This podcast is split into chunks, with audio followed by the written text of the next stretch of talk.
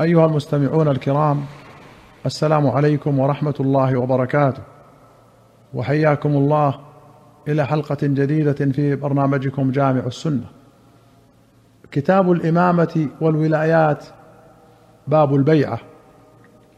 أخرج البخاري ومسلم رحمهما الله عن عبادة بن الصامت رضي الله عنه قال بايعنا رسول الله صلى الله عليه وسلم على السمع والطاعة في العسر واليسر والمنشط والمكره وعلى أثرة علينا وعلى ألا ننازع الأمر أهله وعلى أن نقوم أو نقول بالحق أينما كنا لا نخاف في الله لومة لائم. وفي رواية دعانا رسول الله صلى الله عليه وسلم فبايعناه فكان فيما أخذ علينا أن بايعنا على السمع والطاعة في منشطنا ومكرهنا وعسرنا ويسرنا. واثره علينا. والا ننازع الأمر أهله إلا أن تروا كفرا بواحا عندكم من الله فيه برهان. الاثره الاستئثار والاختصاص بأمور الدنيا. وقوله بواحا أي ظاهرا باديا. عندكم من الله فيه برهان؟ أي نص آية أو خبر صحيح لا يحتمل التأويل ومقتضاه أنه لا يجوز الخروج عليهم ما دام فعلهم يحتمل التأويل. قال ابن حجر قال النووي المراد بالكفر هنا المعصية ومعنى الحديث لا تنازعوا ولاة الأمور في ولايتهم ولا تعترضوا عليهم إلا أن تروا منهم منكرا محققا. فإذا رأيتم ذلك فأنكروا عليهم وقولوا بالحق حيث كنتم. وقال غيره المراد المعصية والكفر فلا يعترض على السلطان إلا إذا وقع في الكفر الظاهر. والذي يظهر حمل رواية الكفر على ما إذا كانت المنازعة في الولاية فلا ينازعه بما يقدح في الولاية إلا إذا ارتكب الكفر. وحمل رواية المعصية على ما إذا كانت المنازعة فيما عدا الولاية.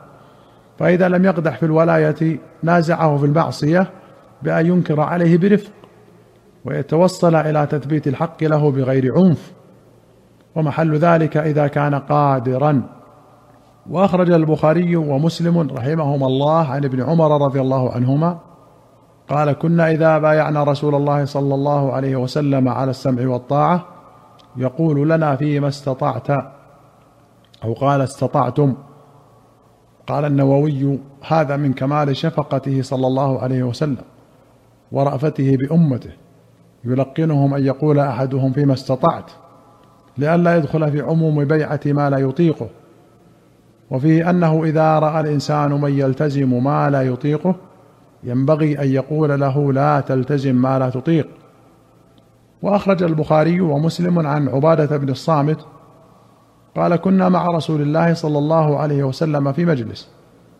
فقال بايعوني. وفي رواية أتبايعوني؟ على أن لا تشركوا بالله شيئا ولا تسرقوا ولا تزنوا ولا تقتلوا النفس التي حرم الله إلا بالحق.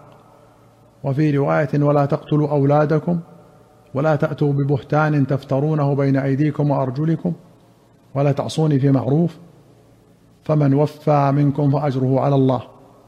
ومن أصاب شيئا من ذلك فعوقب به في الدنيا فهو كفارة له وطهور. ومن أصاب شيئا من ذلك فستره الله عليه فأمره إلى الله. إن شاء عفى عنه وإن شاء عذبه. قال فبايعناه على ذلك. وفي أخرى فتلا علينا آية النساء أن لا يشركن بالله شيئا ولا يزنين الآية. وفي أخرى قال إني لمن النقباء الذين بايعوا رسول الله صلى الله عليه وسلم. بايعناه على أن لا نشرك بالله شيئا وذكر نحوه وزاد ولا ننتهب ولا نعصي بالجنة إن فعلنا ذلك. فإن غشينا من ذلك شيئا كان قضاء ذلك إلى الله عز وجل. ولمسلم قال أخذ علينا رسول الله صلى الله عليه وسلم كما أخذ على النساء. الا نشرك بالله شيئا ولا نسرق ولا نزني ولا نقتل أولادنا ولا يعضها بعضنا بعضا.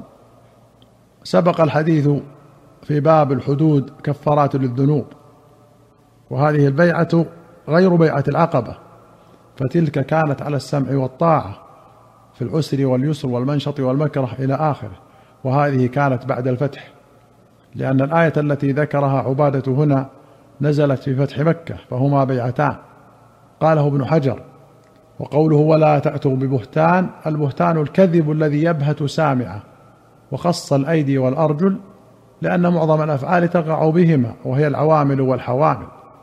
وقيل أصل هذا كان في بيعة النساء وكنا بذلك عن نسبة المرأة الولد الذي تزني به أو تلتقطه إلى زوجها. فلما استعمل في بيعة الرجال احتيج إلى حمله على غير ما ورد فيه أولا. قوله ولا تعصوني في معروف تنبيه على أن طاعة المخلوق إنما تجب في غير معصية الله. وقوله بالجنة إن فعلنا ذلك هذه رواية البخاري ورواه مسلم بالفاء فالجنة إن فعلنا ذلك. وقوله لا يعضه بعضنا بعضا العضيهة البهتان والكذب. ومنه الحديث ألا انبهكم العض هي النميمة القالة بين الناس. وهذا يقوي تفسير البهتان بالكذب في الرواية الأولى.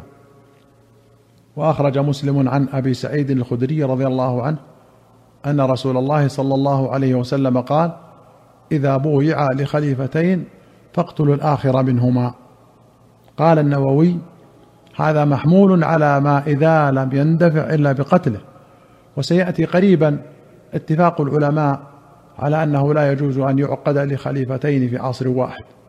سواء اتسعت دار الإسلام أم لا. أيها المستمعون الكرام إلى هنا نأتي إلى نهاية هذه الحلقة. حتى نلقاكم في حلقة قادمة بإذن الله. نستودعكم الله والسلام عليكم ورحمة الله وبركاته.